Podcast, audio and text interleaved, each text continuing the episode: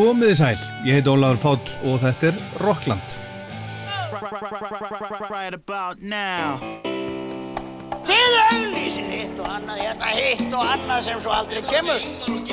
Það var bara ekki auðlýst, það var auðlýst hvennasöng.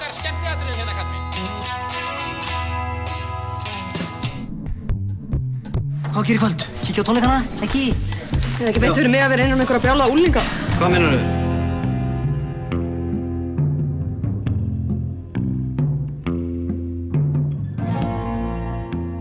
Í þættinum í dag heyrum við viðtöl við nokkra íslenska tónlistamenn og hljómsveitir sem spiluðu á Eurosonic Festival í Hollandi núna miðan í januar. Þar voru sjö íslensk númer og við heyrum í fjórun þeirra. En ég hitti og spjallaði á hátíðinu við Reykjavíkudætur, Harðhausana í Unmiser og það er Bríeti og Hildi. En það er ekki bara Eurosonic í þessu þætti. Bítlarnir Robert Plant, James Bay og David Gilmour koma líka við sögum. Byrjum á Hildi.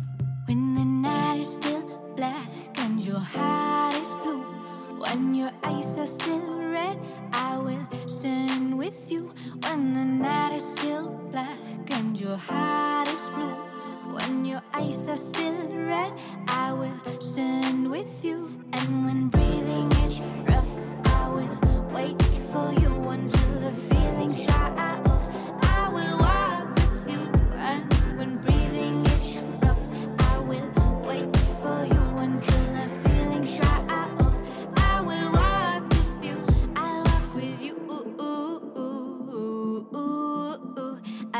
with you. Ooh, ooh, ooh, ooh, ooh. I'll walk with you. Ooh,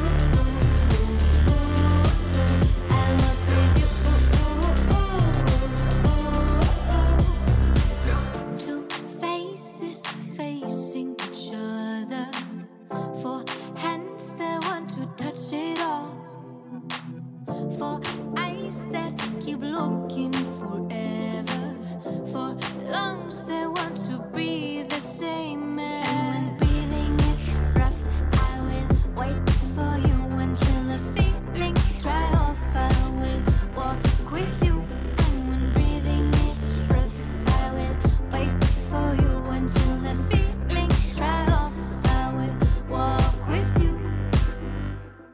Hún heitir Hildur Kristín Stefánsdóttir, fættist í Bandaríkjónum en ólst upp í Hlíðunum í Reykjavík, byrjaði unga að læra á cello og svo lærði hún að syngja, segir hún með því að syngja með og herma eftir Selin Dion, hverja annari. Þegar hún var á öðru ári í mentaskólanum í Reykjavík var henni svo búið að koma og spila á cello í hljómsveitinni Rökkuró.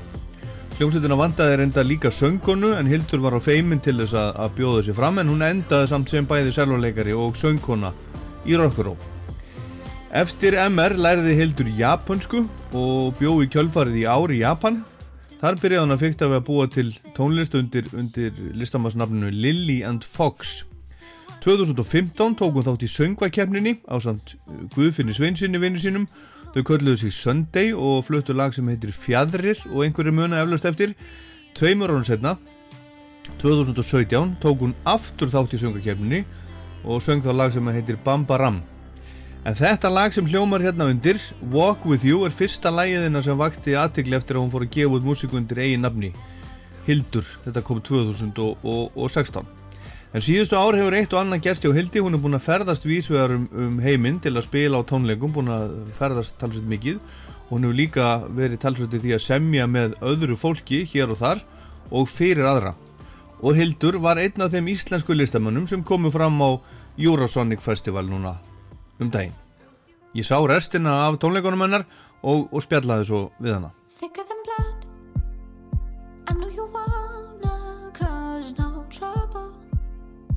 Feels like we're living in a bubble.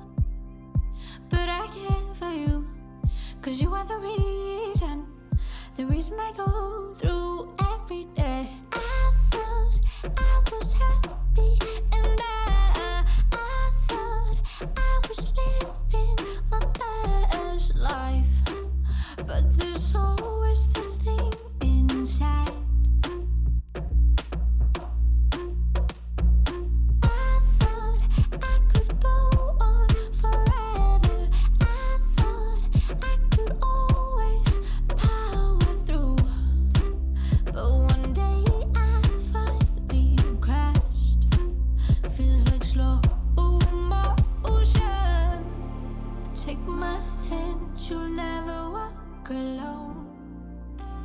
sæl og blessuð og takk fyrir tónleikan. Ég sá bara reyndar restina.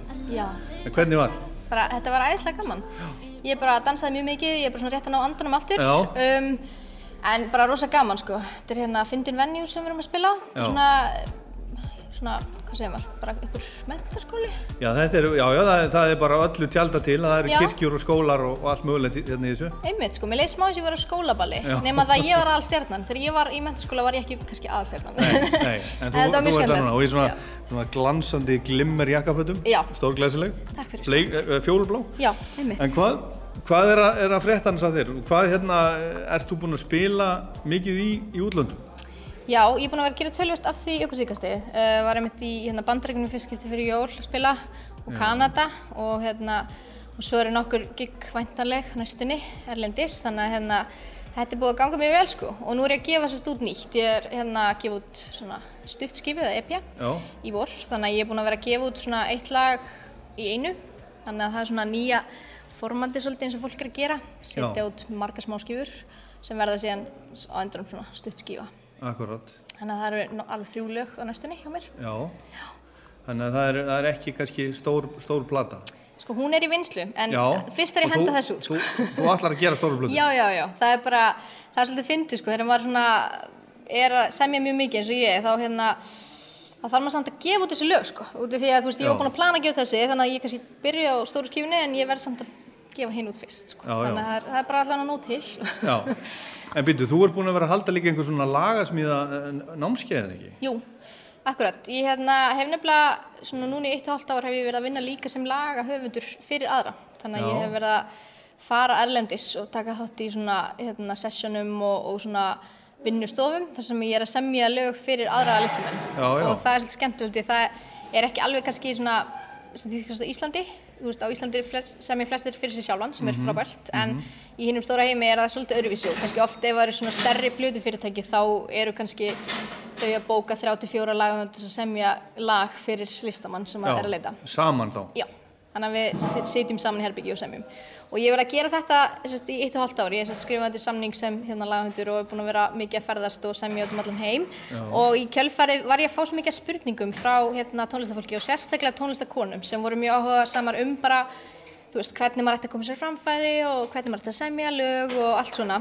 Og mér langaði bara svolítið að prófa að halda námskeið og sérstaklega til að styðja við tónlistakonur því að akkurat núna er svona hallar svolítið á þar ef maður skoðar svona stefprósentur sem þær eru að fá þá finnst mér til dæmis að vanti svona að megi alveg vera fleiri lagahöfundar sem eru konur. Þannig að mér langaði bara að prófa að halda þetta námskeið og sjá hvort það var áhugi og það hefur verið svona mikil áhugi að ég er búin að halda fjögur námskeið.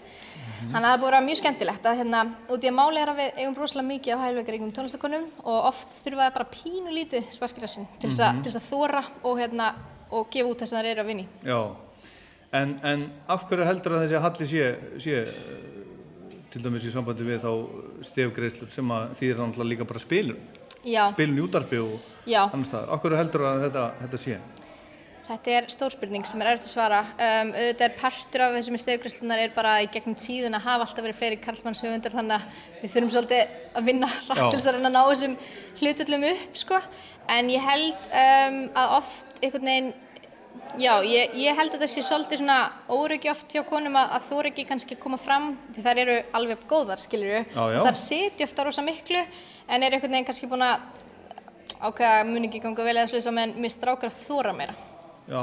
Þannig að það er svona, En svo hafa náttúrulega, sko, sko, konur hafa náttúrulega verið í frontinum í popmusík uh, þegar ég hugsaði það, sko, ekki minna he- heldur en kallar, en það Nei. hafa þá kannski verið meira í hlutverki söngvenna. algjörlega, og það er nefnilega málið. Ég held að sko, margir átti sig ekki á því að mikið af stóru tónlistakonunum er að flytja lög sem eru samin einungis af karlmönnum. Þannig að þá, þá er, þótt að kannski lít út fyrir að vera mikið af konum, þá er það kannski ekki alveg í öllum hlutverkunum sem það ætti að vera.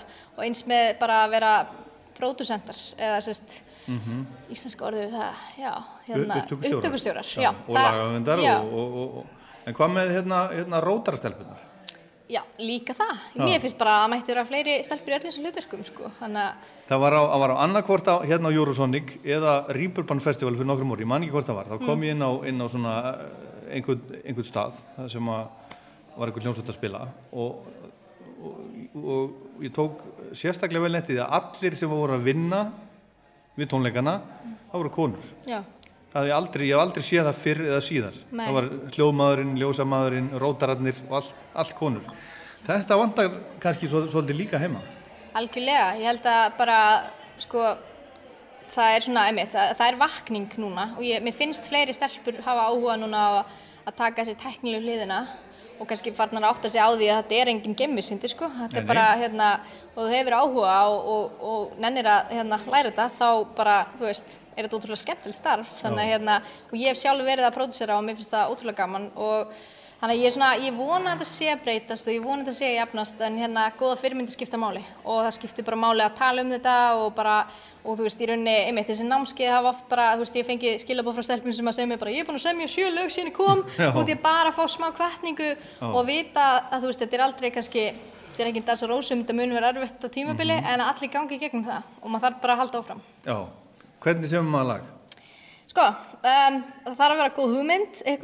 að Já. Oft kannski tvist á, á einhverja formúli sem virkar en samt uh, má ekki bara vera copy-paste, sko. Já. Þannig að hérna, góð hugmynd kemur lag langt og í poppin er það náttúrulega að melodían sé eftirminnileg og helst að fólk í rauninni, já, fá það heilan eftir eina, tvær hlustanir. Það, þá kemst lagið aðeins lengra. Þannig að, já. Hildur, hva, hva, hvert er ferðinni svo, svo heiti hérna? Sko við fyrum bara heim í fyrramálið, því miður, það er ekki, ekki, ekki löng ferð í þetta skiptið. Við vorum reyndir að koma frá London og vorum að spila þar á undan, þannig að þetta var svona mínitúr bara. Aha, En já, þannig að það er Ísland og svo er ég að fara ég til Tallinn næst, þannig að hérna, eftir smá pásu, já, þannig að nóg að gera. Gangið vel. Takk Takk fyrir spjallið. Takk. Og tónleikana.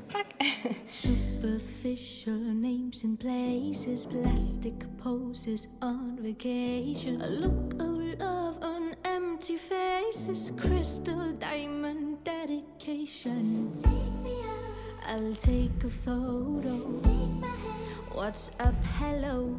Play this like we're on a TV show. Let's go out and let them know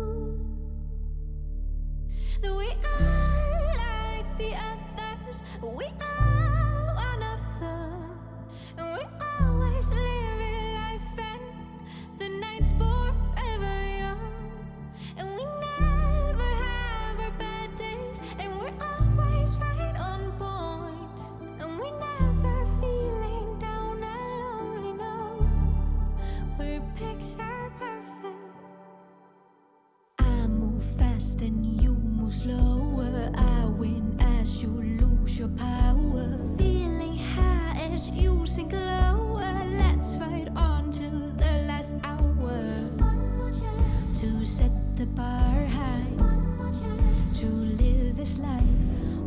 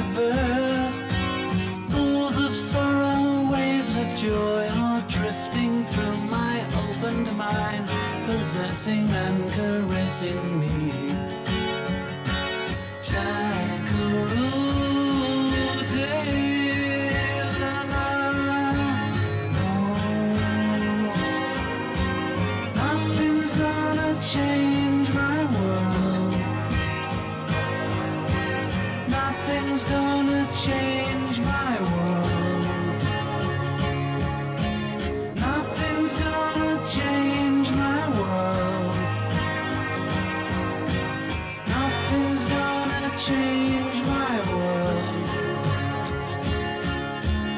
Images of broken light which dance before me like a million eyes. They call me on and on across the universe. Thoughts meander like a restless wind inside a letterbox. They tumble blindly as they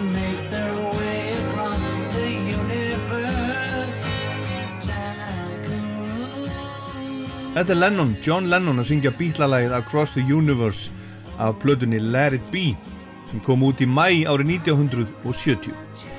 En nú er það að frétta að leikstjórin Peter Jackson sem gerði allar Lord of the Rings og Hobbitamindunar hefur tekið að sér það verkefni að gera heimildamind um gerð Let It Be. Þetta er síðasta bítlaplata. Platan sem bítlandi gerði með, með Phil Spector sem að setja núna í fangelsi fyrir að hafa myrt leikonuna Lönu Clarkson á heimili sínu árið 2003 þó að hann hafi alltaf haldið fram að hann sé saglaus svona við skotið sér sjálf fyrir slisni. En Jackson hefur úr 55 klukkustundum af óséðu myndefni að móða og þeir lifandi bítlar Ringo og Paul eru með í gerðmyndarinnar sem á ekkjur Jones og George, það er Yoko Ono og Olivia Harrison. Í frettatilkynningu frá Peter Jackson segir að hann muni notast við samskona tækni við vinslu efnisins og hann notaði þegar hann gerði fyrra stríðs heimildamyndina They Shall Not Grow Old sem var frumsýnd í fyrra. Þá var gammalt myndefni tekið og, og, og það var enda litað og gert ofsalega, ofsalega flott. En auk 55 tíma af myndefni eru til 140 tímar af hljóðupptökum og Jackson lofar aðdáðundum einstakri flugu á vegg upplifun þegar þeir horfi á myndina. Upplifunni líkist því að ferðast með tímavel 50 ár aftur í tíman til ásins 1969. Fólk fái nákama einsinn í hvað var að gerast hjá þessum fjórum gömlu vinum í stúdíónu meðan þeir voru að gera Let It Be. Og Jackson segir líka í frettatilkynningunni að eftir að hafa hort og hlustað á allt efnið sem er til þá hafa hann komist að því sér til mikillar ánægju að stemningin í stúdíónu hún var miklu betri en sagan hefur haldið fram. Vissulega séu dramatískir kablar og átök hér og þar en að sjá John, Paul, George og Ringo vinna saman og semja frá grunni lög sem eru löngu orðin klassík sé ekki bara heillandi heldur líka fyndið og upplýfgandi. Og eftir að þessi mynd verður frumsýnd verður líka gefin út ný útgáfa af, af upphaflegu Let It Be myndinni sem Michael Lindsay Hogg gerði á sínu tíma en myndefni sem Peter Jackson hefur til þess að vinna úr kemur allt frá honum.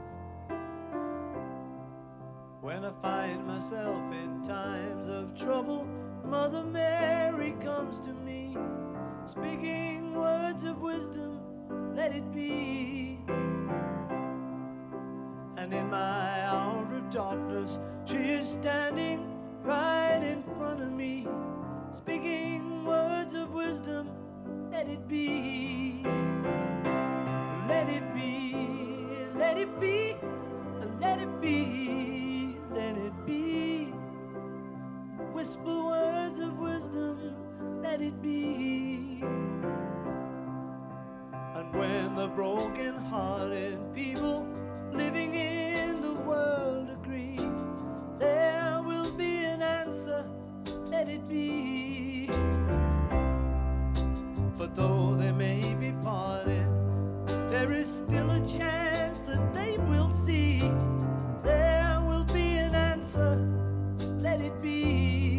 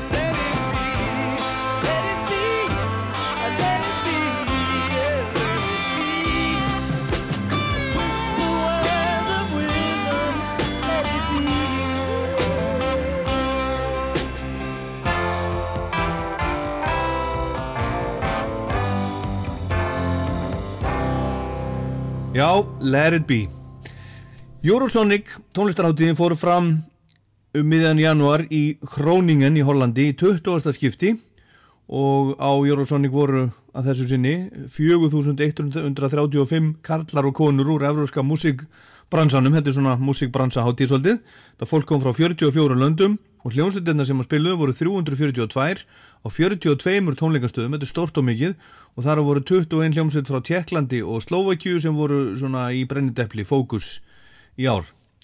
Á Eurosonic spila fyrst og fremst nýjar ungar og upprennandi hljómsveitir allstaðar aður Európu og það voru sjö atriði frá Íslandi, Hugar, Hatari, Hildur sem við heyrum í áðan, Bríet sem við heyrum í á eftir og Unmiser sem við heyrum í líka á eftir, Kælan Mikla og svo Reykjavíkudætur sem neldu sér í verðlun heldur betur á hátíðinni, nýja Evróps tónlistaverlun sem heita Music Moves Europe Talent Award. Og ofan á það fengu þær svo vinsaldakostningaverlun líka sem heita Public Choice Awards í sínum flokki rap og hip-hop, þetta voru sagt sex flokkar sem var velunað í. Það er hip-hop og rap urban og R&B singer-songwriter, elektro rock og pop Ég náði að plata þær í smá viðtal þar Steinunni og Steinei Reykjavíkudætur þar sem EBU út á stöðvonum var útlutaður staður til að, að vinna og senda út og taka upp líka músík í gamalli og falleri og tignaleri miðalda kirkju í miðbæ Hróningen.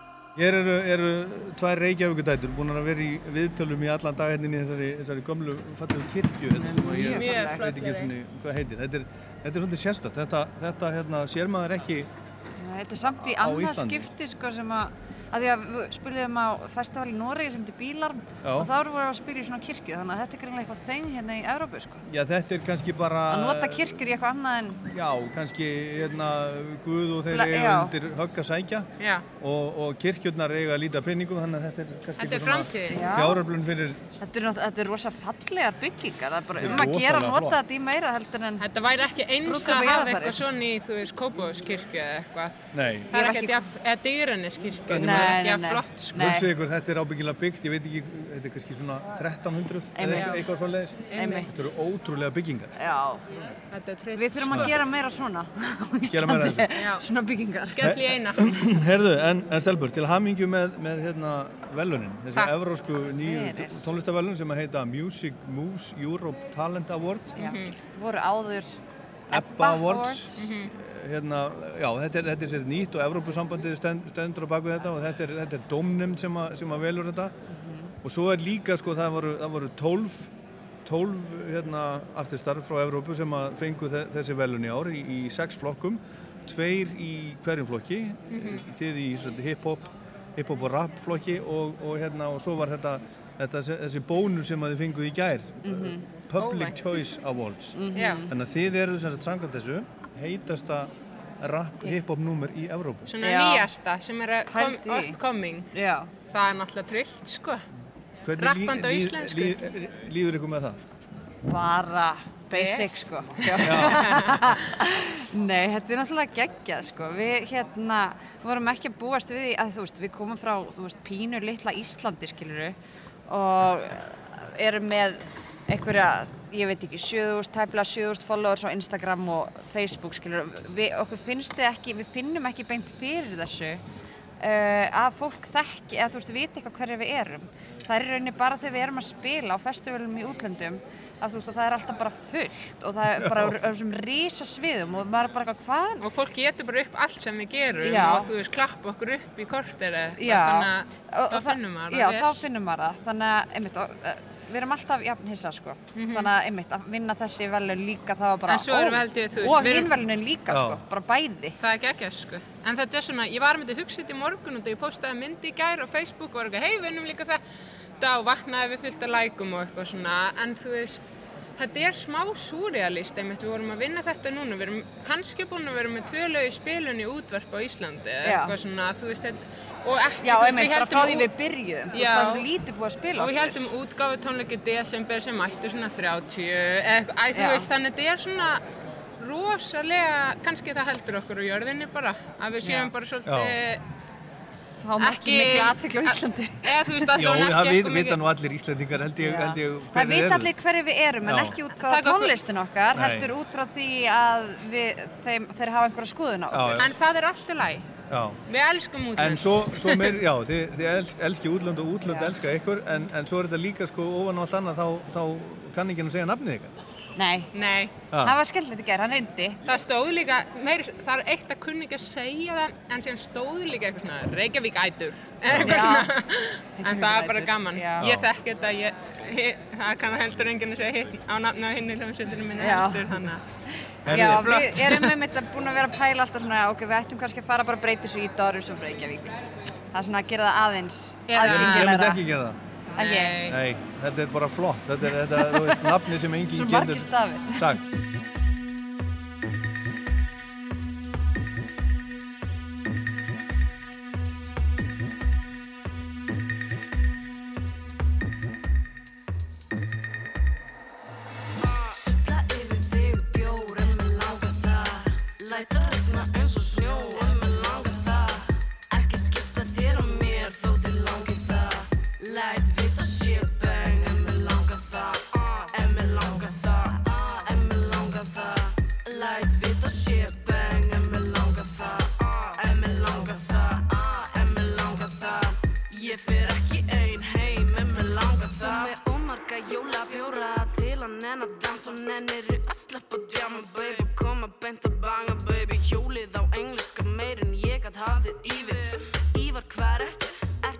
Ennþá í sorg?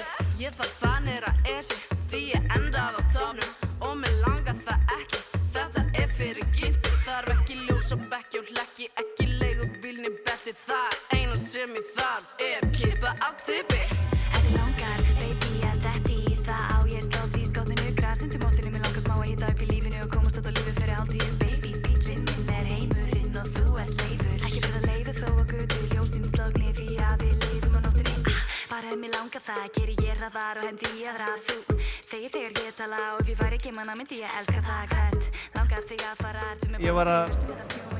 um ykkur í Rockland á sunnudaginn og, og Steini gekk á mig í gær og spurði hvort ég hefði verið að gera lítið úr þeim því að ég, ég man ekki hvernig það nákvæmlega að, að mér þætti að skrítið að þið værið að vinna þessi.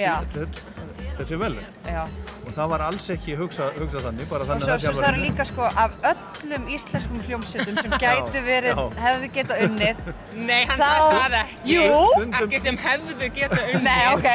stundum, stundum segir maður eitthvað kannski hugsa reitt og segir eitthvað, eitthvað annað Já, já. en ég var að meina þetta að ég er svo hef, svo, hef verið svo mikið talsmaður í íslensku í, í tónlist allar tíð sko að þá er þetta svolítið sérstakt að, að veist að hérna Þetta listform sem gengur út á já þetta tal. já þetta sem gengur þetta tal og að þið náið í gegn Já. á íslensku og það verðist ekki skipta neinu máli það er það sem mér fannst merkilegt og, og, og svona ég orðaði örgulega skrítið. En þú dýrkar okkur Ég dýrka ykkur. Það sko- sá ykkur, og hefur sá alltaf gert, sá ykkur fyrst á, á hérna, sá ykkur fyrst með sko, með litlum sinni mínum á Secret Solstice sko fyrir Aha, þreymur árum. Við erum orðina miklu betri, sko. Já. En sko, ég held að na, fólk líka, nú er tónlistbyrjuð. Já, það er allt í lagi. Æði. Við sko, mér finnst fólk oft tala um að það vilji elska að heyra íslenskuna og þú veist, það sem við erum svolítið um er, þú veist, live performanceið. Já. Og þar krafturinn í því skilar sér einhvern veginn, fólk fattar hvað við erum um bara Já. af því að upplifa performansi og svo erum við alveg, við erum með fullt af ennsku slengi Já. þannig að fólk er eitthvað íslenska, íslenska, íslenska bitch, íslenska, íslenska, íslenska fuck, eitthvað svona, þannig að bara, oh já, I relate, eitthvað svona. En svo er það svo líka, þú veist, við vorum að tala um þetta áðan, minnstu alltaf, já, alltaf, við vorum að tala um þetta áðan, þú veist, að fara á sjó hjá okkur, það er svona, erum við alltaf bara, ef við hittum einhvern, uh, til dæmis á Íslandi bara, sem er eitthvað, já, við fýlum ekki Reykjavík-döndur, við bara, en hefur séð sjó hjá okkur? Og í 90% tilfella segir fólk nei, svona 95% tilfella, og að því að þú veist, það sem við sjóðu okkur, það er svo mikið það sem við erum um, að þú veist, þetta er ekki bara um textana, þetta er svo mikið um, þú veist, og þess vegna virkum við svona vel í útlandum, að því þetta er líka um bara hvernig við erum á sviðinu, þú veist, uh, hvernig, þú veist, hvernig við hérna portræum okkur, hvernig við erum gagvart áhörvendum, þú veist, þetta er bara, já, þetta er einhvern veginn fyrir öll skilningavind, ekki Já. bara eirun, sko. og, fólk, og þetta er líka bara, fólk hefur ekki það sem maður heyrir, þú veist, þetta er eitthvað sem er ekki til, eða þú veist, fólk hefur ekki séð þetta áður bara nýju konur á sviði saman að gera eitthvað mjög unpolished, eitthvað sem er Já. ófægt Já, ó... bara vera svolítið Fullkomið, eitthvað? Já, þóttu við séum náttúrulega fullkomnar já, já. já, En samt eitthvað ó. Já, eitthvað svona nýr kraftur kannski, Já, já. ókvæmlegu kraftur en samt kvæmlegur Já. Þú veist, þannig þetta er eitthvað nýtt og það er það sem vinnur náttúrulega bara mjög mikið með okkur Það, já Ég hef heyrt þetta lag Er það? Þetta er einhver frægur. Þú heyrði bara fyrsta er einhver- Þetta er einhver frábær. Þetta er einhver frábær. Hann er með, með okkur hérna í kirkjunni á Eurosonic Festival. En, en Telbur, hérna, eh, eru þið nýju? Við erum 11 í hljómsveitinu núna en við erum yfirleitt 8 á sviði. Já. Sjö rapparar, einn DJ Já. Við erum nýju hér í dag og það vildu þetta allir koma Já, með. nema ein Kolfinna er ólétt. Kolfinna sko er ólétt og ákveða kom ekki með en svo vann hún reyndar miða í svona þeir sem að kusu í hana Public Choice Awards áttu, gáttu unni miða á Eurosonic með því að kjósa og allt inn fekk Kolfinna e-mail eitthvað You won! Já, ok. We're gonna invite you to Eurosonic og ég ætla að segja íslensku, við ætlum að bjóða þér á Eurosonic á svona einum vinni og hótel og allt Já. en heldur hún hafi ekki mistað fluginu Ó. Já, ólétta konan Hún er alveg komin, þú veist hvað, sjú og halvan Já. mánuð á leið eða eitthvað En langaði hann ekki að vera með ykkur hérna? Jú, hún Jú. samti ræðuna sko sem. Blær flutti Fluttum ræði í gær Æði ræðar sko Og svo er Anna Tara, hún er heldur ekki með okkur af því hún er í námi úti í Barcelona sem- að vera kynlífsráðgjafi Já. Ekki veitir af kæru Já. Íslendingar Mhm. En, en, en, She's coming at þannig, us. en þannig að þið eru með svona, þið eru fleiri, þið eru með svona, þetta er svona eins og handbóltalið, þið, þið, þið, Algjörlega. Er þetta skipt inn á. skipta inn á Og þetta er í raunin ekki, við höfum aldrei þurft að segja eitthvað svona, í- eða kannski einu sinni þurft að segja eitthvað svona, þú mátt ekki koma með núna, heldur hefur þetta mjög náttúrulega orðið þannig að það eru yfirleitt sjö sem að melda sig pluss DJ-in. Við getum náttúrulega ekki verið án hennar, en þú veist, þannig að þetta er, fre, gerðist frekar náttúrulega, að það voru alltaf einn sem gæti ekki eða eitthvað Já, þannig. þannig að, er þannig að þið switch eru fyrst. officially átta Reykjavík þetta eru Eða Live átta. En við erum 11, Við erum 11. Já. en á er svið erum við Wu-Tang. 8. Já. Nefnum hjá þeim er stundum engin úr bandinu. Já, Bara- komir aftur þar. Einhverju vinnir þeirra og eitthvað svona. Ok, legendary. það. Var þannig taldi í byrjun sko hjá okkur. Já. En þú veist, þá var það bara, en það er bara ekki alveg í búið Byrjaði þú ekki þannig? Að vera bara svona vinkona og svo allt í Jú. einu varstu bara í hljómsveitinni? Jú. Já. Ég ætlaði ekki að verða rappari sko. Ég vil hafa þetta massaða kalla Ég vil hafa þetta sköllóta kalla Þessi pínlillu forríku kallar Ég elska á alla Ég elska á alla Kalla mig hvað, kalla mig hvað Kalla mig hvað, kalla mig hvað Kalla mig hvað, kalla mig, kalla mig, kalla mig Alltaf yfir borðinu en þú mátt lesa spilin eins og þér sýnist Kalla mig hvað, kalla mig hvað, kalla mig hvað Alltaf yfir borðinu en þú mátt lesa spilin eins og þér sýnist Kalla mig hvað, kalla mig hvað, kalla mig hvað Senan pressan að pressa alka. Stend á mínu, salka valka. Talk the talk, I don't give a fuck Bara take it, ég kom ekki til að spjalla. Svallin að dollu með káta kalla. Allir þeirra dóu, eitt fór á matla Anna vil dragar, hinn er með skalla. Mamma gef mér rós í hárið á mér. Ég þrá þetta cash, cash, cash. Fæ mér í tána með boombox, baby. Þekkir þú til til að tala við mig? Þetta þreita þrautirnar sem ég þreiti Framfyrir, kann ekki skammast þín. Eða veistu þá ekki hvað ég heiti. Helgin í álugum, lendir í áflögum. Bjössi þurr, frá flösku skeiti Kalla mig hvað? Kalla mig hvað? Kalla mig hvað? Lát ekki útliti blekka þig Ekki halda þú þekki mig Ég með krakkalett snöttin Ég frökin fann upp þetta merki Merki kjartin ég þekki og flörtin blekja mig ekki Ég er ekki snert og það ertir En gef svo skít er þú veldir Náttúrulega er þetta ekki, þetta er náttúrulega uppálega er þetta ekki hljómsveit, heldur bara svona reglífa samtök. Já, jú, bara clan. En er þetta orðið, orðið meiri hljómsveit í dag? Er það að semja saman? við- svona? Við, það er svona ársíðan við byrjum að hafa þú hljómsveitaræfingar og eitthvað svona. Já, já. Eftir þannig að svo skelltu allt það, það voru bara ækarskettu að byrja svona þess að æfa. Já. Og núna erum við með hardcore æfingar nokkru sinnum í viku sko og stundum bara dansæfing, stundum spuni og við erum alveg frekar, við erum alveg að undirbúa okkur fyrir það sem að er að koma, já. Já, það er þannig.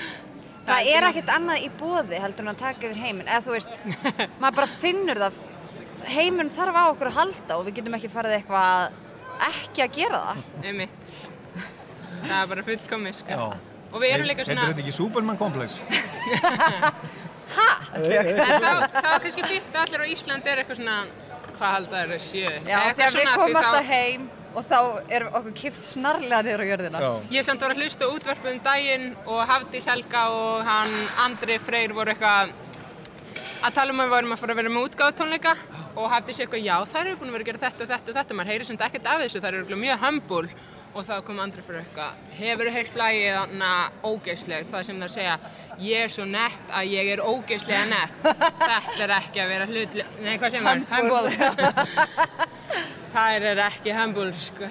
Þannig að það er rétt. Já. Við erum, við Það er erum náttúrulega flottar, líka sko. stolti kannski hluti af því að vera rappari að... Nei, ég dýrka líka okkur bara, sko. Að vera svona, svona að berja sér, sér á brjóst? Já. Þetta, þe- þetta Það er líka bara alltaf gaman. Ert þú duglegur að hrósa sjálfum þér? Nei. Nei. Gerðu það núna. Sko, ég var, ég var, að, var að hlusta, hlusta á hérna út Það var bara nei. Ég var að hlusta á amerískan út af þáttum daginn, það sem, það sem var að tala um gamlan hérna, hérna blúsara, Bo Diddley, Já. þekkið þið þannig? Ég kannast við það. Bo Diddley er sko, er til, þú veist, það það er sko, ef maður í söguna þá er sko, Bo Diddley er sá sem að Jimmy Page í Led Zeppelin hlustaði á, hann Já, var ædolið hans. Ok. Og, og hérna, og, og, og, og það er lag sem heitir Who Do You Love? Það sem hann er svoleiðis að, veist, það er síðan 1955 eða eitthvað svoleiðis. Það sem hann er svoleiðis að segja, veist, ég er, þú veist, No. ég er með, hérna, þú, þú, þú veist, bindi mitt er, hérna, er, er hérna, eiturslanga og, og Já. ég ger þetta og ég er langbæstur og svona. Þannig að þetta er ekkert nýtt, sko. Þetta kemur, þetta er alveg, all, allavega frá blúsnum Já. og til dagsins í dag, þá er þetta. Já, En hérna, en, en eru þið, þið búin að skipulegja árið mikið? Við erum að fara að gera plötu. Sem Salka Vals ætlar að pródúsera, sem er gellan í hljómsveitin okkar. Já. Þannig að það er, já, það er bara, það er svona næstu mánuður, það er þar sem við þurfum Mhm. að bara þú veist, ætlum að fara bara til Berlínar að taka upp og Nó. bara taka svona, mm við sko, Hún er við erum orðnum daldi stórar, Óli, Já. ég veit ekki hvort þú veist það, en.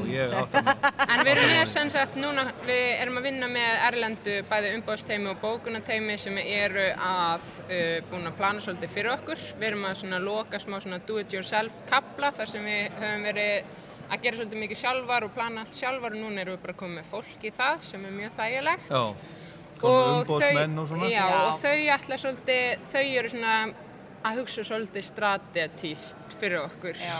Sem við erum kannski, við erum oftast bara búin að vera eitthvað, ú, gerum þetta núna. Já, okkur langar alltaf að gera hlutina bara um leiðu fáum hugmyndina. En, þannig að þau er- eru eitthvað svona, við Já. munum örgulega að spila fullt af festivalum í sumar og þannig en svona, við, síðan líklega í annarkvört haust eða þá bara næsta vor 2020 fyrir við að túra með þessa plötu, eitthvað svona headliner túr. Já. Þannig að þetta er allt svona Já. planað. Já, þetta er alltaf leiðin. Mikið mögura. En við ætlum bara að fara að semja og búa til nýtt sjó og hafa gaman, sko. Já. Herðu, til hamingju með þetta stelpur ennú aftur, þessi, Takk þessi, þessi velun, þessi flottu velun og, og haldið áfram að halda merki Íslands á lofti og íslenskunum. Mm, Svonu minn segir alltaf mamma mín er í landsliðinni hip-hopi. Já, held að sé rétt hjá hann. held sér rétt hjá hann sko.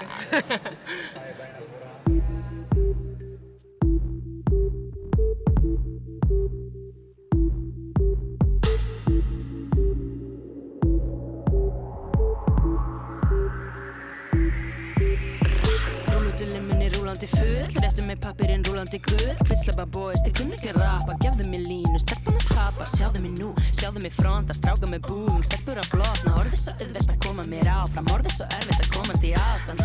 Fíla bara bad boys bitch. Kranki er fucked og lengi að fála Veistu hver á þetta dick?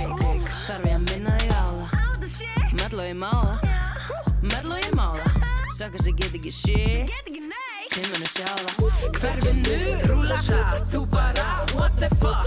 Boys reyna að lúka smart Flýja burt ef fer í hart Oh damn, ekki það Veit þau vilja húka far Ekki tími til að stoppa Erum alltaf duglegar Ferðast bara um í flugvél Er svo dugleg Er svo dugleg Er svo dugleg Keiri krakkan um í hummer Er svo dugleg Er svo dugleg Dugleg Rúlutu flugvel í færium Búið með barinn og bara á nærunum Tæmallar hillur í tollinum Blika kallana og þeir kika kollinum. Hig ekki við það að leipa mér út Hig ekki við það að bjóða mér búð. Hef ekki tíma til að hingra lengur Alla hamra áfram að meðan vel gengur. Gigga í svo mörgum löndum Ég get ekki talið á báðum höndum. Fljúa mér hingað í sjóið er sikk Bjóða mér money og bjóða mér. Boys vilja taka myndin þurfa að býða stiltir Ég ætla að finna mannin sem að býða með skiltið. Ef ekki tíma fyrir tjapp vil halda gleðinni gangandi. Sjansinn að ég nenn að koma mér hérðan gangandi. Ferðast bara um í flugvél. Er svo dugleg, er svo dugleg, er svo dugleg. Keiri krakkan um í hummer Er svo dugleg Er svo dugleg Er svo dugleg. Vinna, vinna, vinna, vinna. Rúla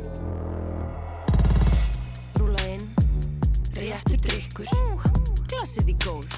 Ekki réttur drikkur hó.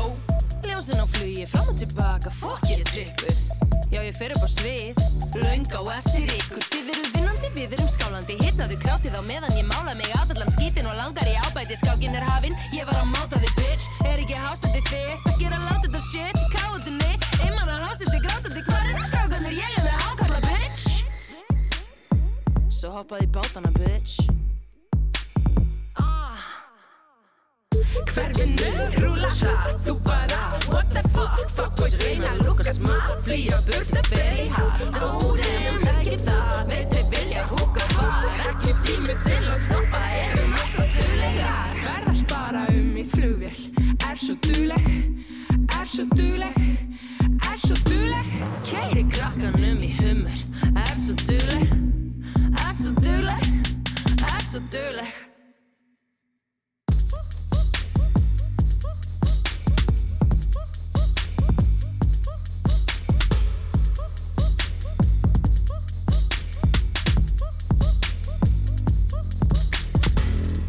Hi, this is Brian Ferry on Rockland on Rustra.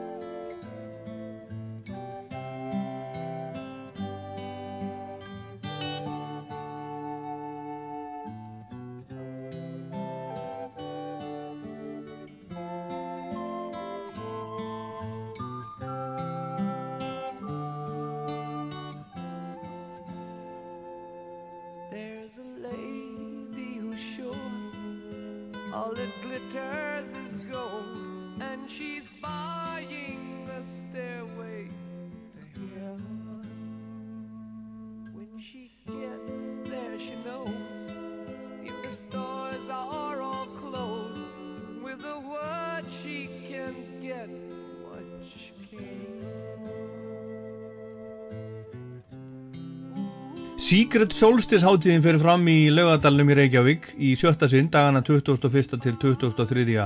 júni næstkomandi og forsvarsmenn hátíðina sendu í vikunni frá sér frettatilkynningu sem segir frá góðum hópi listamanna sem að spila á hátíðinni næsta sumar og þar ber hæst að minnst ekki að mínum að því Robert Plant sem að var eins og flestir eflust vita eða margir vita að minnst ekki söngvari Led Zeppelin sem hann er að syngja þetta lag sem við heyrum hérna á bakvið Stairway to Heaven í fyrra voru 50 ár frá því að Led Zeppelin var stopnud í London og núna 12. januar voru liðin 50 ár frá því fyrsta plata Zeppelin kom út og Zeppelin er bara eitt eh, stærsta og merkasta rockband sögunar og sumur segja að Led Zeppelin sé hreinlega rockband nummer 1 á topnum, alltaf Sveitin sendi frá sér átta stóra stúdioplötur á árunum frá 1969 til 79 en hljómsveitin leisti svo upp eftir að trommunleikarin John Bonham lest af völdu mikillar áfengisneislu árið 1980. Hann kapnaði hreinlega í eigin ælu eins fallega og þannig hljómar. Led Zeppelin kom saman á Live 8 1985 en hefði nótt að sleppa því að matri flestra aðdáanda en það náði sveitin alls ekki að standa undir nafni, ítla æfð og liðsmenn svona misítla fyrir kallaðir. Zeppelin kom síðan saman á minningatónleikum um Ahmed Ertegun, forstjóra Atlantic Records í O2 Arena í London 10. desember 2007 en Atlantic var og er útgáfu fyrirtæki Led Zeppelin. Robert Plant hefur hafnað hverju gillibóðinu og fætur öðru undanfarn árum tónleika og tónleikaferðir með Zeppelin og þessi staði hefur hann einbett sér að, soloferlinum og nýri músik. Hann hefur sendt frá sér 11 soloplötur frá árunum 1982 og svo nýjasta sem kom 2017 heitir Carrie Fire. Hana gerðan með hljómsveitinni sem kemur með hann til Íslands í sumar The Sensational Space Shifters kallaði sig.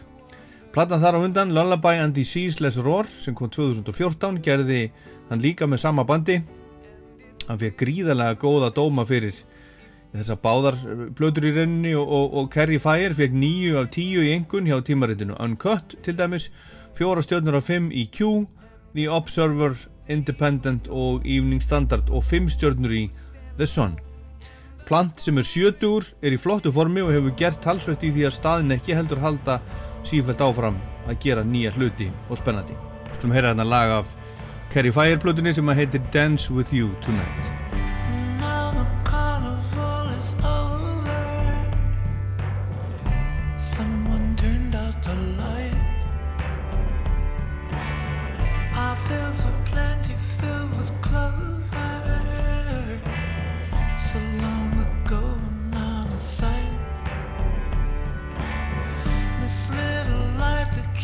Shining out through the darkness, through the night. That evermore will keep reminding our journey's long, the flame is bright. And if there's one more time I can dance with you, let me dance land.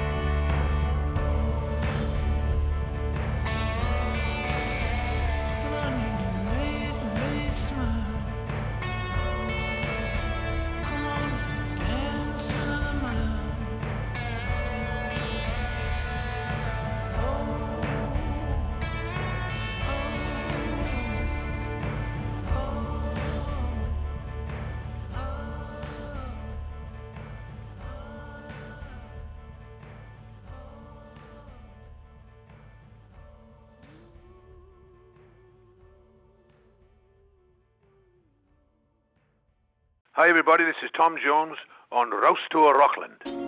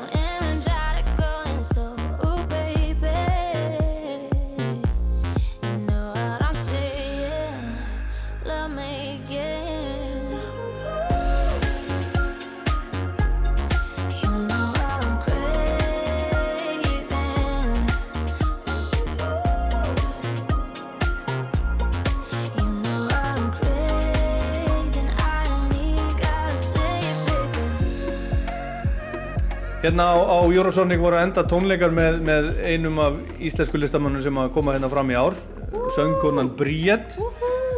Hvað eh, segir um þetta hérna í, í Simplon?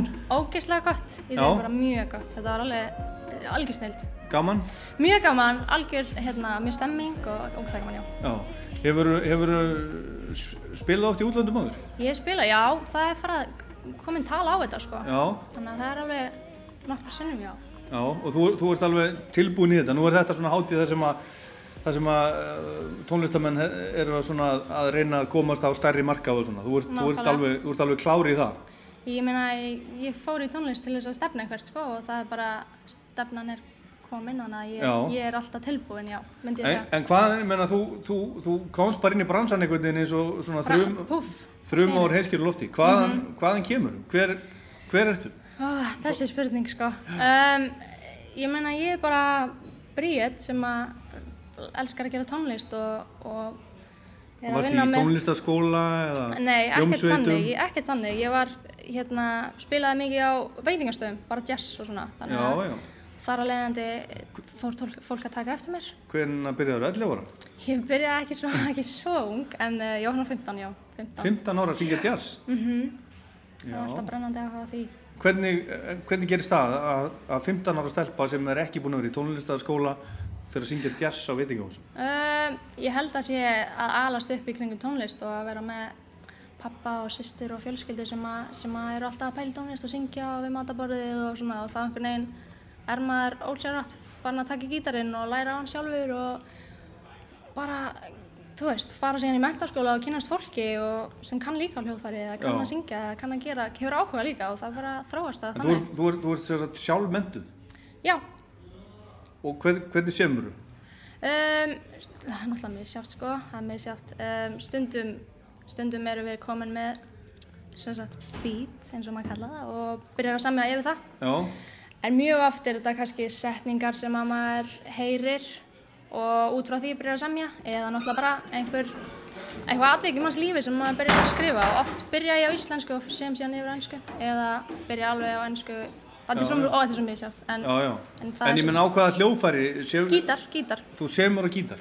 Ertu, Já, ertu það sæm, sæmilu gítarleikari? Nei, ég er umöluður gítarleikari. Ég er alveg hræðileg en þess vegna hef ég hann Pálma með mér í þessu sem að bjargaði mér. Ég var, þegar ég var yngri þá var ég náttúrulega, þá var þetta svolítið bara svona gítarinn og ég en svo þegar Pálmi kemur þá breytir það öllu og það fyrir að verða til alvöru góð tónlist myndi ég segja. Pálmi Ragnar úr, úr, úr uh, Stop Wait Go hópnum, ekki? Mhm, mikið rétt. Já, er sagt hinn helmingurinn að þér? Já, hann er það mætti ég segja. Já, en svo ertu með kærastæðin á sviðinu líka? Já, hann er hinn hinn helmingurinn. Já, þannig að þú ert með tvo halva helminga. Já, þetta er enda fyrsta skipt sem hann fær að vera með mér upp á sviði. Nú er að- það? Já, það hérna, já, við erum bæði. Hvernig hefur, hefur þá ko- komið fram hingað til? Um, ég hef verið með annan DJ sem heitir Snorri. Hann hefur verið með mér á Íslandi. En allar kærastiðin að vera með þér áfram? Ég veit það ekki, Í- ég átti að spyrja hann að því, sko. Hann stóð sér bara alveg eins og fagmaður, það var eins og hann Já. hefði aldrei gert annað. Ég, ég gæti ekki séð að hann var að gera þetta í fyrsta, fyrsta sinn. Nei, hann stóð sér mjög vel, ég hef eftir að segja honum hvað hann stóð sér. Já. En já, þannig að þetta mun þróast, þetta, ég veit ekki hvað gerist næst í varðandi svið framkomi, hvort það verði live hljóðfæri og svona, kannski, en það Já. gerist kannski setna. En hvað með núna, nú erum við hérna í Hollandi Já. og enginn skilur íslensku. Ekki ein manneska. Þú var samt að syngja aðeins á íslensku. Já, Ætlar að halda því áfram, er það eitthvað sem þú sér, sér fyrir? Nú voru náttúrulega Reykjavíkudætur að fá þessi velun, hérna. Music Moves Europe Talent Award nákvæmlega, og hérna, og, og hérna, og þær eru sem sagt, bara að syngja á íslensku. nákvæmlega, já, ég meina, akkur ekki, auðvitað, auðvitað syngja á íslensku ef að, ef að lægið verður þannig. Sem Þannig að feimin var akkurat, það var bara Já. hægt að syngja á önsku, sko. Nei. Herðu, ég ætla nú að fara að hérna, hérna hleypa þér og hérna í burtu, sleppa þér. Mhm. En segðu mér fyrst frá þessari, þessari flík sem þú ert í. Þetta er svona, Mhm. þetta er svona risaúlpa, þetta er svona, svona plastrisaúlpa eins og Mhm. svepphóki með engum ermum. Mhm. Hvað, hvað er þetta? Hvar var maður svona? Og heldur að þetta myndi klæða mig, til dæmis? Ég, mynd, ég held að þetta myndi klæða öllum, þetta myndi klæða þér mjög vel, Já. held ég. Ég hérna bara lendi á þessar úlpu í Miami, Já, já. lappaði inn og tók hana og mér var alveg saman hvað hann kostaði. Ég ætlaði að fá það. þessar úlpu, já. Já, en not, notar hana líka utan sviðs? Sko, hún er nefnilega ekki nóg hlý. Hún er ekki nóg hlý til þess að vera úti en alltaf hlý til að vera inni, þannig að þetta var eiginlega bara þetta peningasvöðan. Þetta endar, endar bara sem svona, svona skúltúr heima hjá þér? Já, ég held það. Svona á- Eins og mörg föt heima hjá mér enda. Já, það? Já, það er svolítið þannig. Herðu, takk fyrir spjallið og tónleikana og, og, og bara góða skemmtun áfram. Takk. Gangið þið vel. Takk kærlega. Better than you, better than you. Like the stars above, we burn together. When I'm with you, when I'm with you, I feel like I'm in too deep. I can feel the ground beneath my feet, so carry me across the water and over the moon. Hey. You know I hate sleeping alone, baby, don't make. When you're not here, this bed seems so cold. You know that your love kept me warm through the weather. You gave me shelter, nobody can love me better.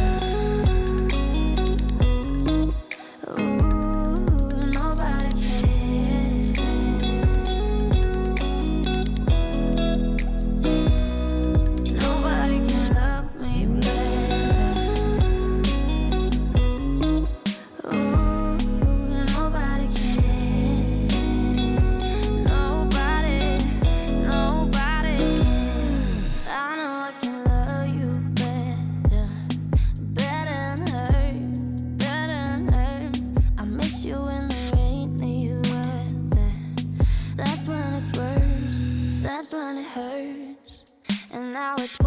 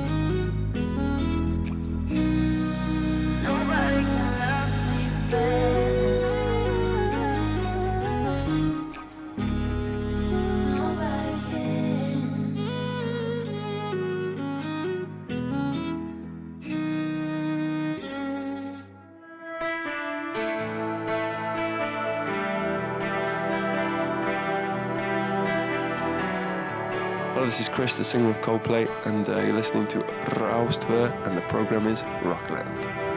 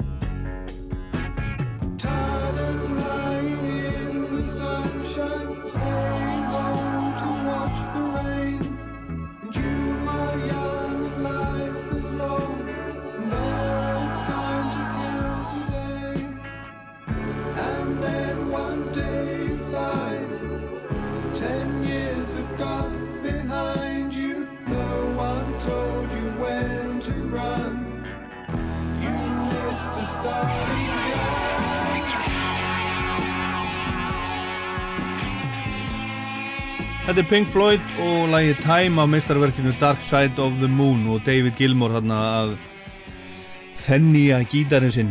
En nú er David Gilmour gítarleikarinn úr Pink Floyd hann ætlar að fara að bjóða upp 120 gítara úr safnu sínu í sömur og sömur af þessum gítarum hafa leikið leikið hlutverk í rocksögunar hinnlega Þekktasti gítarinn er líklega svartur Fender Stratocaster árgerð 1969 sem Gilmour keifti í Mannis í New York þegar hann kom fyrst til Ameríku og hann notaði svo mikið á öllum plötum Pink Floyd frá Dark Side of the Moon og til enda líka á sólarplötunum sínum og á tónleikum. Og fyrirfram er búist við að fáist á beilinu 12 til 18 miljónir króna fyrir þennan gítar. Þessi gítar er svo frægur að það hefur verið skrifað um hann. Bók. Uppáðu fyrir fram í Christie's í New York 20. júni og allur ágóðinn rennur til límusa góðgerramála. En þetta verður líkast til umfangsmesta gítara uppbóð sögunar. Hvítur Stratocaster árger 1954 með serialnúmerinu 0001 og Gilmore spilaði á í Another Brick in the Wall til dæmis á að seljast líka og 1958 Gretsch Penguin og það er búist við að þeir tveir fái eða fáist fyrir og svipaður upphæður og fyrir þennan svarta svona 12 til 18 miljónir króna og svo er hann líka Rauður 1984 Stratocaster sem hann spilaði mikið á á 8 og 9 tögunum svo er 1969 árgerð Martin D35 það talaði um svona 1,2 til 2,4 miljónur fyrir hann. Og 1955 Goldtop Les Paul 3,6 til 6 miljónir en þarna eru líka minna þekktir gítarar fyrir allt niður í 35.000 krónur. 120 gítarar í það heila og gítarsúpan verður til sínis á Christie's við King Street í London frá 27. til 31. mars næstkomandi þaðan fara gítararnir til Los Angeles þar sem að þeir verða síndir 7. til 11. mæ og svo endar síningatúrin í New York 14. til 19.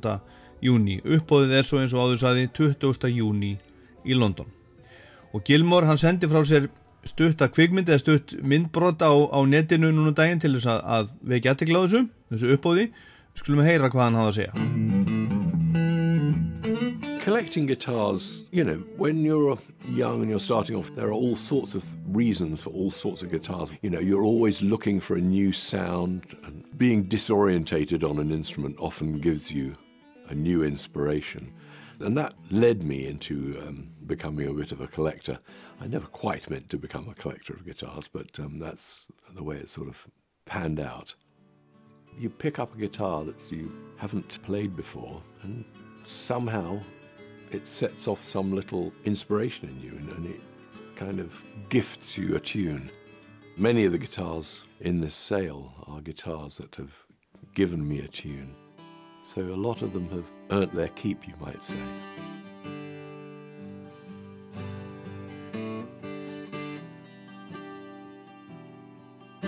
So that fell out of this guitar in the control room of number three at Abbey Road in 75.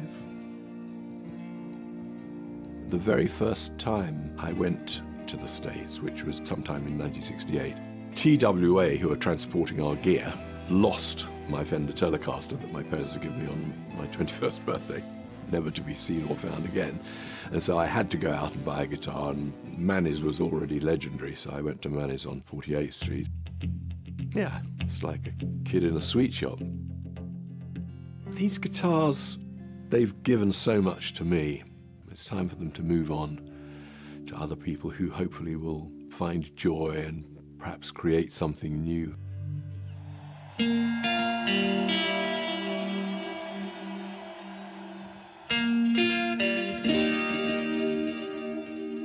My dream and ambition was to have a Fender, you know, preferably a Stratocaster. I loved it from the beginning. Buddy Holly played one, Hank Marvin played one. Uh, that was enough for me. I, I just wanted a Strat.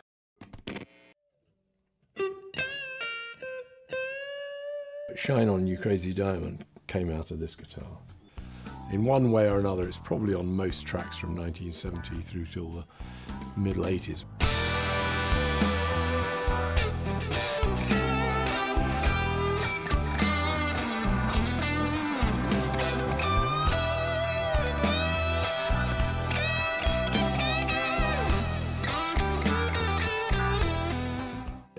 White 1954 Stratocaster. The serial number is 0001.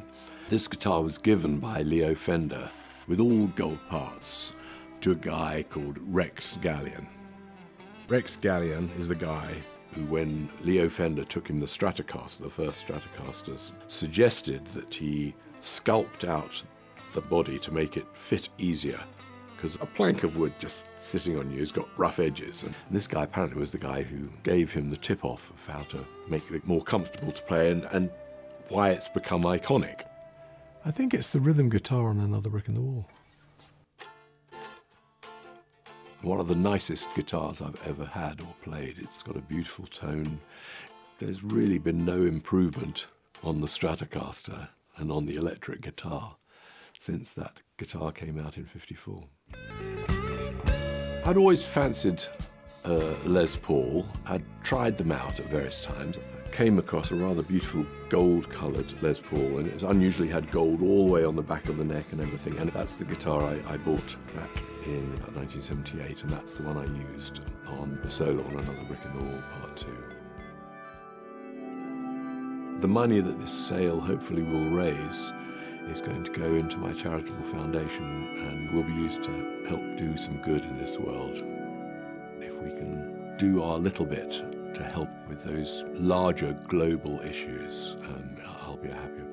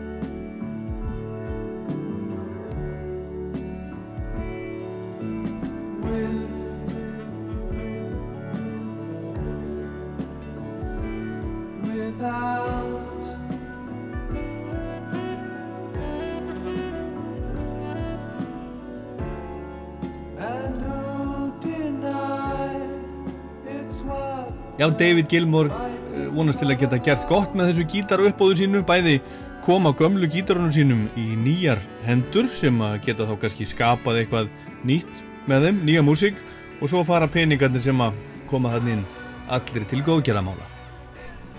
Nú skulum við fara enn og aftur á Eurosonic Festival. Ein af sveitunum sem að spiluðu þar núna í ár var Þungarokk-sveitin, já ekkert betra orðið við það en Þungarokk, Un Miser sem spilaði á frægum stað í Gróningen sem að heitir Húsi Mas. Þeir spiluðu hátt, líti út fyrir að vera alveg stór hættulegir upp á sviði, kolbrjólaðir, en ég kom svo að því að þetta eru hinnir mestu öðlingar þegar ég króaði þrjáðir af út í hotni baksvis, bara rétt eftir tónleika.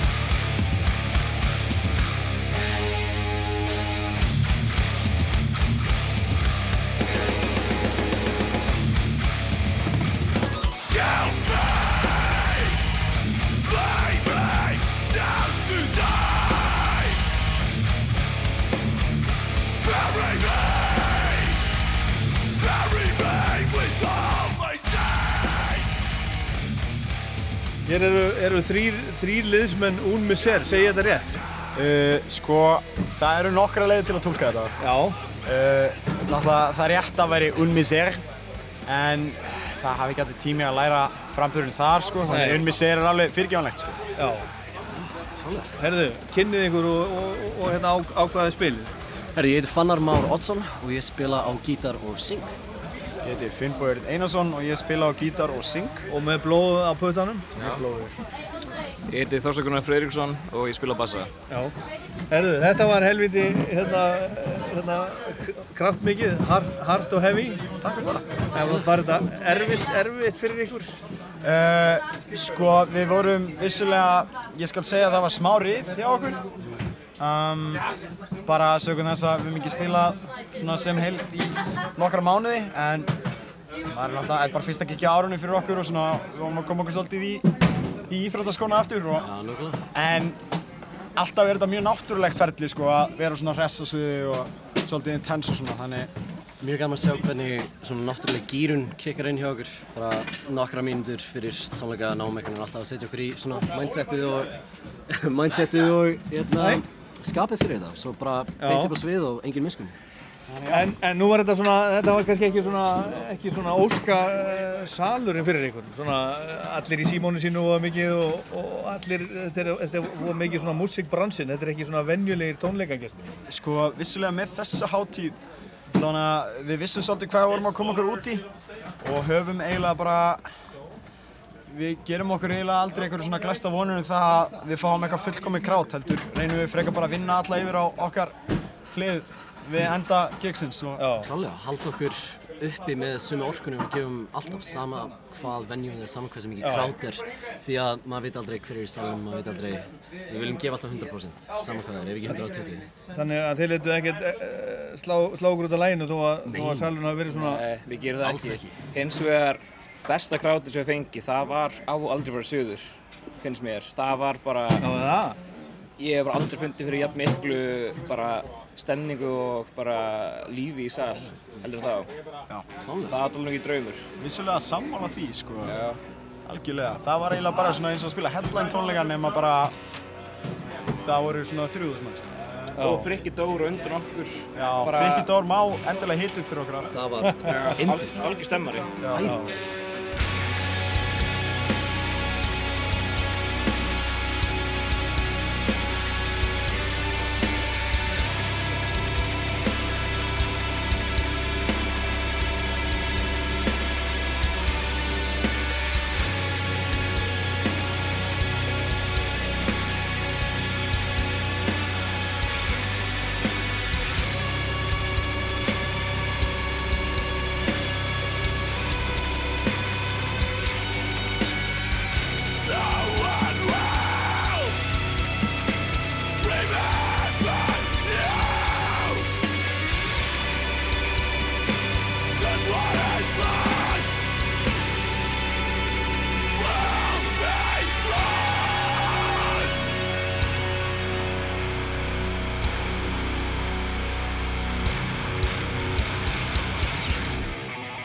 En hérna, hann, Valter af Roadburn vinnur ykkar, hann sagði mér áðan að þið verða að spila líka á lögðan.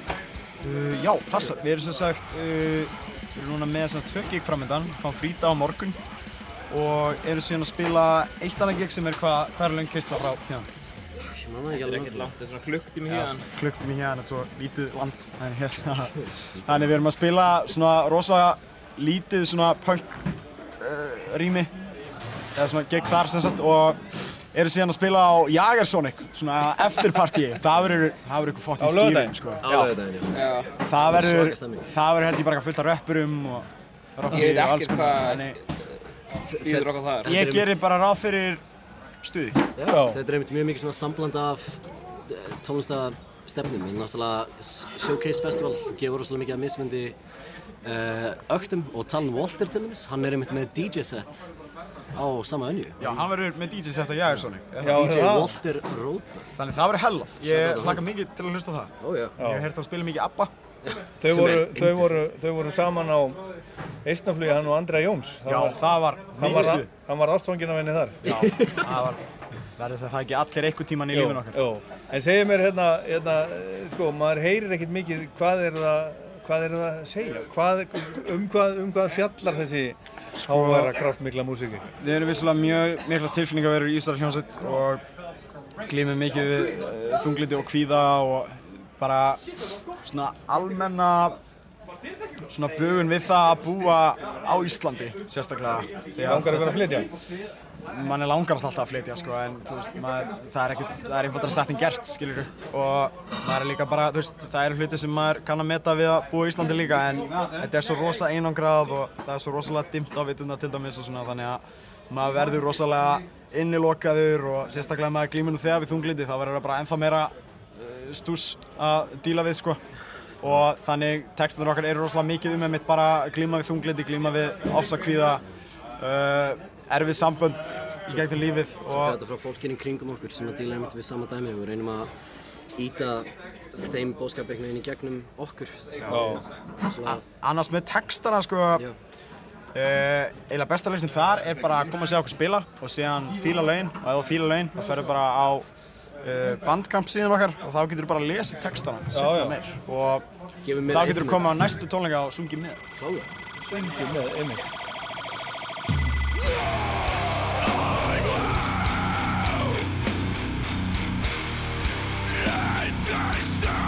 I die.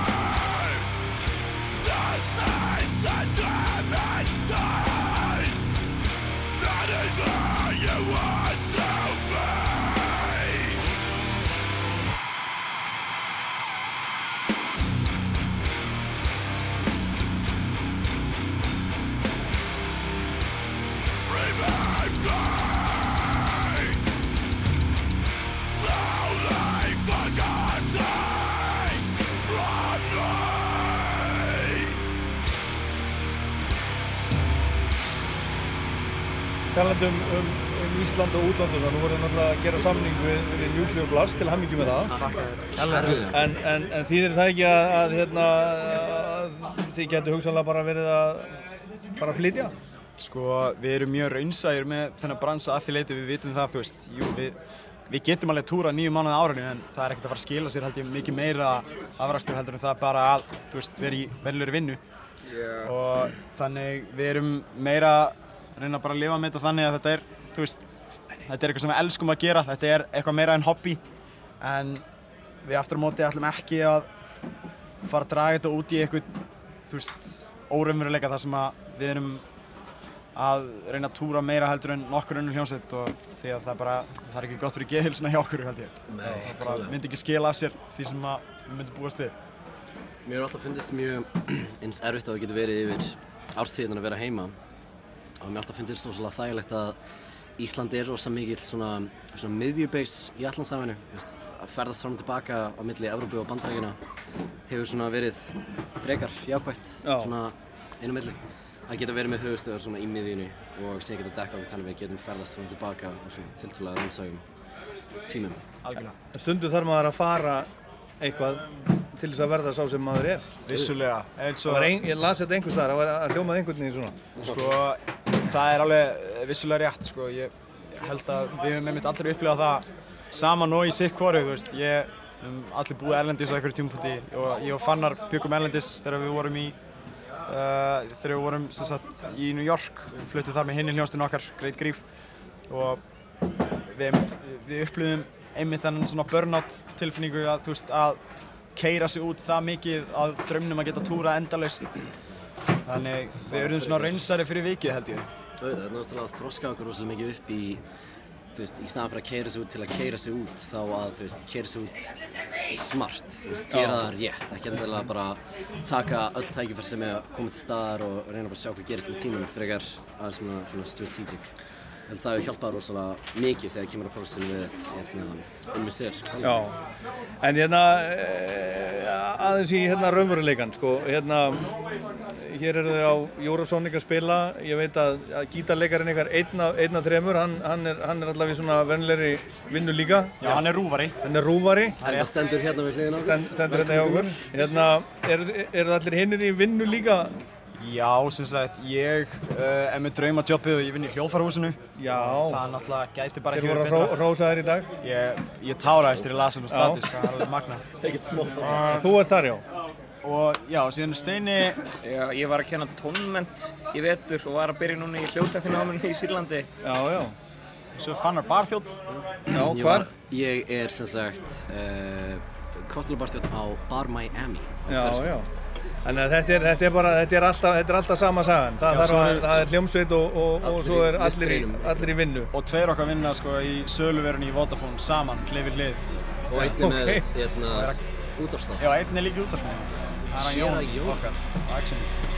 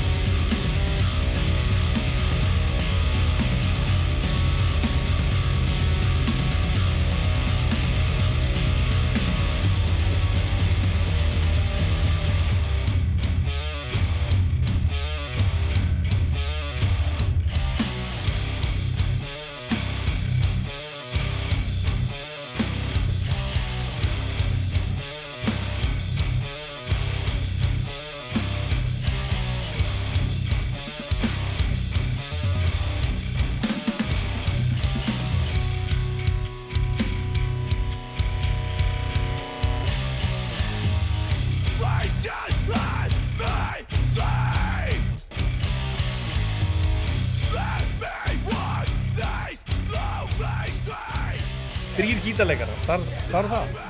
Uh, við erum rosalega mikið uh, að spá í upplifunin að sjá okkur og sérstaklega þá að þú gætir séð okkur til dæmis í hörpunni og þú myndir fá algjöran bara vekk af hljóði og við viljum að drunirnar fali alla leiðina í gegnum líkamann og þú finnir það og þú upplifir ákveðið svona emotional connection við tónlistina sem að þú myndir ekki endilega gera ef við varum að spila í gætnum litla Fender kombomagnara þannig við nýtum okkar rosalega mikið að þegar við byrjuðum þetta band þá vorum við bara stór vinahópur sem hugsaði ok, við ætlum að gera ótrúlega stóra hljómsveit við ætlum bara að vera þrý gítarleikarar út af því að það eru þrýr á okkur.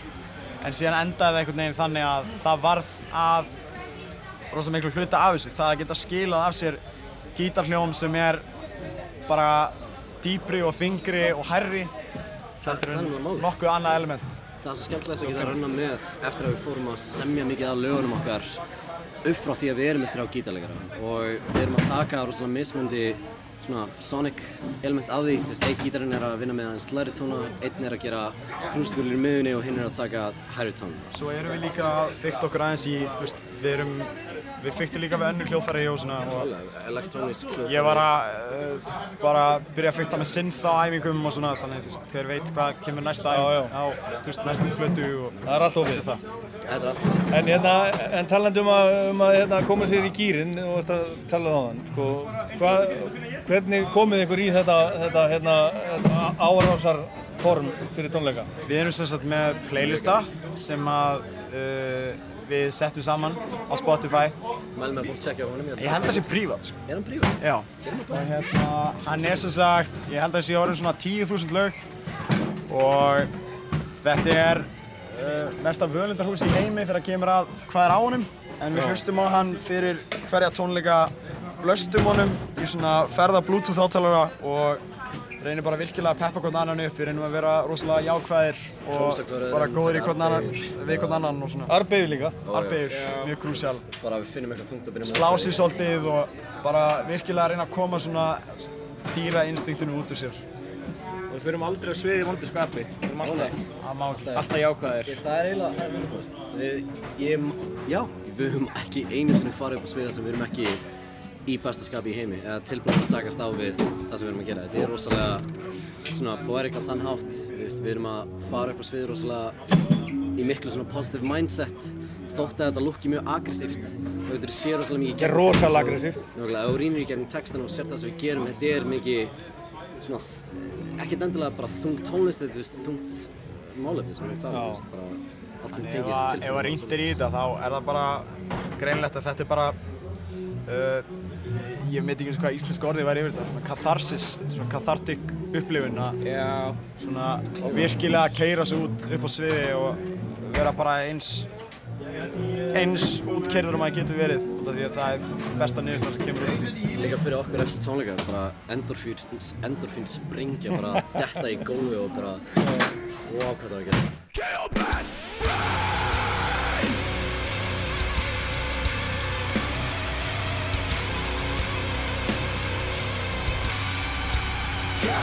Ég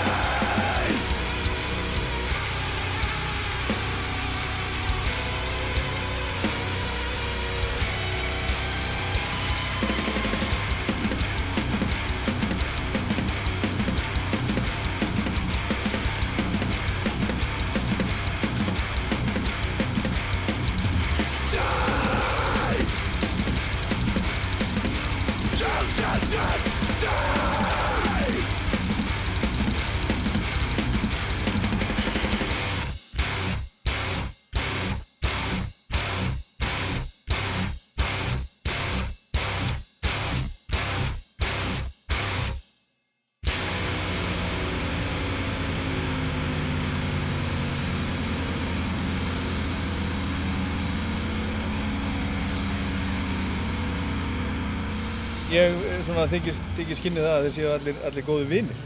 Já. Já, við sem sagt, uh, staðan er bara svo... hljómsveit? Já, sem sagt, málið er það að ég og Steini vorum í hljómsveit sem heitir In the Company of Men og síðan voru Fannar og Gunnar og Leifur sem er svona okkar sjöndi bítill. Visual Þeir voru í, þeir í hljómsveit sem heit Trust and Lies og síðan voru tveir af þeim líki band sem heit Confo og síðan var hljómsveit sem heit Grit Teeth og síðan var hljómsveit sem mér og Fannar sem heit Great Grief og þessar hljómsveitir spiluðu ógeðslega mikið saman. Og gera það ennþá, þessar hljómsveitir ennþá virkar. Og staðan er eiginlega bara svo að við einhvern veginn fundum svo rosalega góða vináttu þarna og ákvaðum eftir eitthvað eistnaflugs trúnó að stopna bestu hljómsveit í heimi og það var þessi hljómsveit Þetta var einhvern bara, við vorum í einhverju móki bara ok, stóðum bara bestu og þingstu hljómsveit ever og allir eitthvað, já maður. og allir fannst það ógeðslega fyndi fyrst en síðan bara var þetta, var þetta að þessu Já. Þetta er bandið. Já, og við, út af því að við vorum með svo rosalega mikið að gera í hinum sveitunum okkar, þá gáttum við unni lengur í efninu okkar, við þurftum ekki að drífa okkur að keira það út og gefa það út og svona. Þannig það í raun og veru hjálpaði okkur að gera vandaðri lög fyrir vikið og við til dæmis spiluðum held ég fjóra tónleika sem voru bara svona generalpröfur. Við spiluðum undir öðru nafni og vorum bara svona virkilega að pröfa hvernig þetta myndi funkara. Við gerðum enga Facebook síðu bara fyrir, fyrir tveim árum og allt svoleiðis sko. Akkurat. Svo einhvern veginn, já, eistnaflug og Vakken kickstartaði þessu í mesta alvarleikan hjá okkur, myndi ég segja. Svo kom Roadburn og bara... Svo kom Roadburn og bara, wow. Já, þannig að framtíðin er björt. Svo sannlega, og er að gerast mjög hratt, sem er alveg ótrúlegt. Mjög, Algjörlega. overwhelming. Til hamingjum í lífið, strákar. Takk aðeins, strákar. Takk að kærlega fyrir. Notið það vel. Takk, elsku þér. You and I will never fall apart.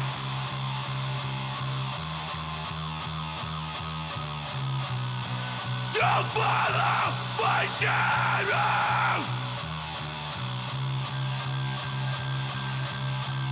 into the grave.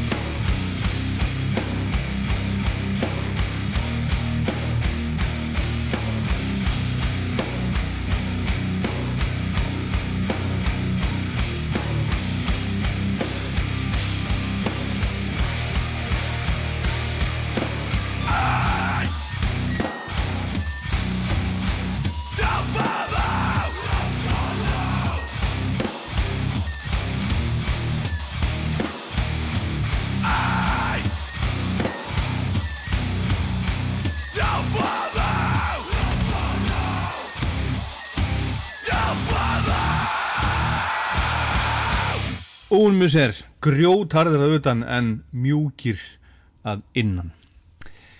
Það vita eflaust flestir sem hlusta á þennan þátt að Ed Sheeran ætlar að syngja fyrir Íslandinga á lögadagsvellinum núna í ágúst, lögadaginn 10. og sunnudagskvöldið 11. ágúst. Það eru uppselt 10. en eitthvað til að miðum á, á tónleikana á sunnudeginum 11. Og hann verður ekki einn, þar að segja að það verður upphitun og það var sagt frá því í vikunni ekki bara hérna á Íslandi heldur, heldur bara í Evropatúrnum hans að, að, að uppbyturnúmerin verði tvö. Sænska popstjarnan Sara Larsson sem held tónleika í fullir í lögadagsvöld 2017 og enski tónlistamæðurinn James Bay. Þetta eru gleðitíðindi og ég hef síðan að sumir eru spenntari fyrir Söru Larsson og James Bay en aðalnúmerinu sjálfu, Ed Sheeran.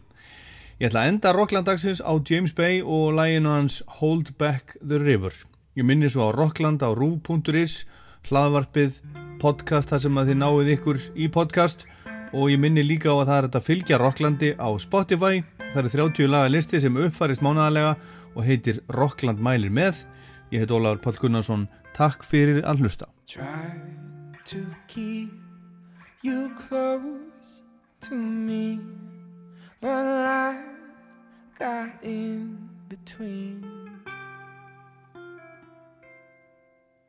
Tried to square not being there, but there that I should have been. Hold back the river, let me look in your eyes. Hold back the river so I can stop for a minute and see where you hide. Hold back the river, hold back.